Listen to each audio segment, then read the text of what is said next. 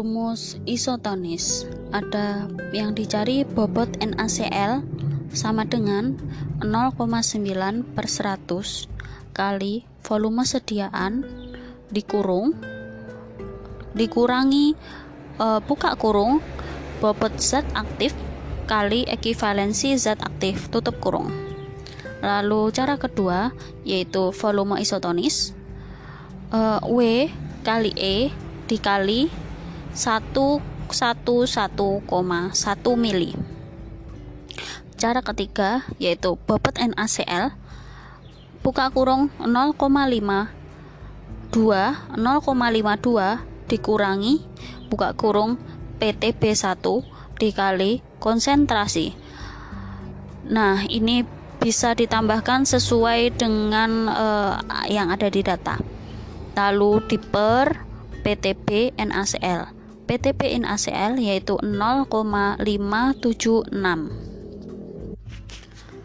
Rumus laju kebocoran aerosol sama dengan 365 dikali 24 per T dikali M2 kurang M1 atau selisih bobot.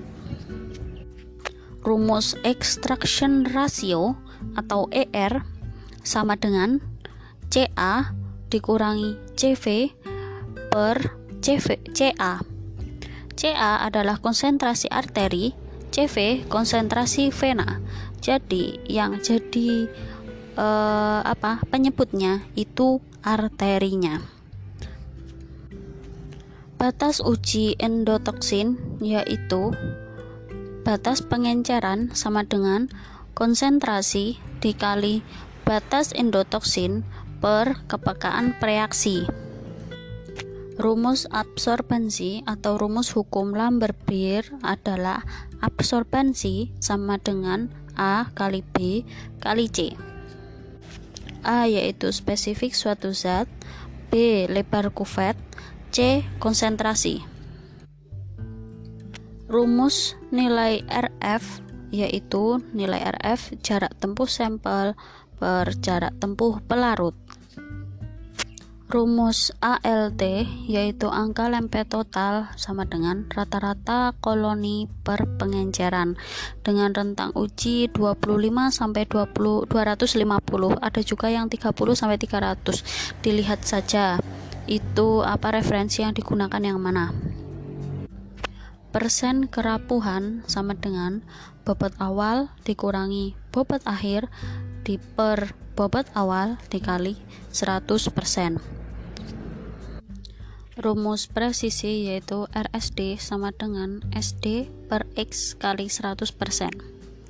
Lalu untuk uh, rumus resolusi yaitu 2 kali delta TR. Delta TR adalah selisih TR2 dikurangi TR1 per W1 plus W2. Ingat plus yang per ya. Lalu untuk rumus LOD sama dengan 3,3 kali standar deviasi per slope.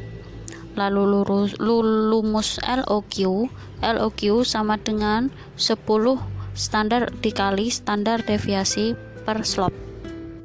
Lalu saat ada soal untuk mencari persen kadar sampel dan dia melakukan apa pengenceran gitu. Nanti kalau misalnya dikari konsentrasi saja berarti konsentrasi sampel berarti rumusnya AUC sampel per AUC standar dikali C standar dikali faktor pengenceran per faktor yang dipipet jadi kalau misalnya e, dua kali ya berarti faktor yang dipipet nanti ditambahkan gitu. Nah, kalau misalnya nanti yang dicari persen kadar, berarti tinggal hasilnya dari e, konsentrasi sampel per kadar yaitu kadar yang apa kadar obat misalnya kalau paracetamol kan 500 mg nah itu per uh, jadi hasil konsentrasi sampel per kadarnya dikali 100% nah nanti ketemu persen kadarnya. Nah ini ada uh, kalau konversi berarti nah kalau ppm itu sama dengan mikrogram per mili ya mikrogram per mili. Nah Nah, untuk yang tadi kan uh, C konsentrasi sampel tadi kan hasilnya mikrogram apa ppm. Jadi harus dijadikan miligram dulu, miligram per mili gitu.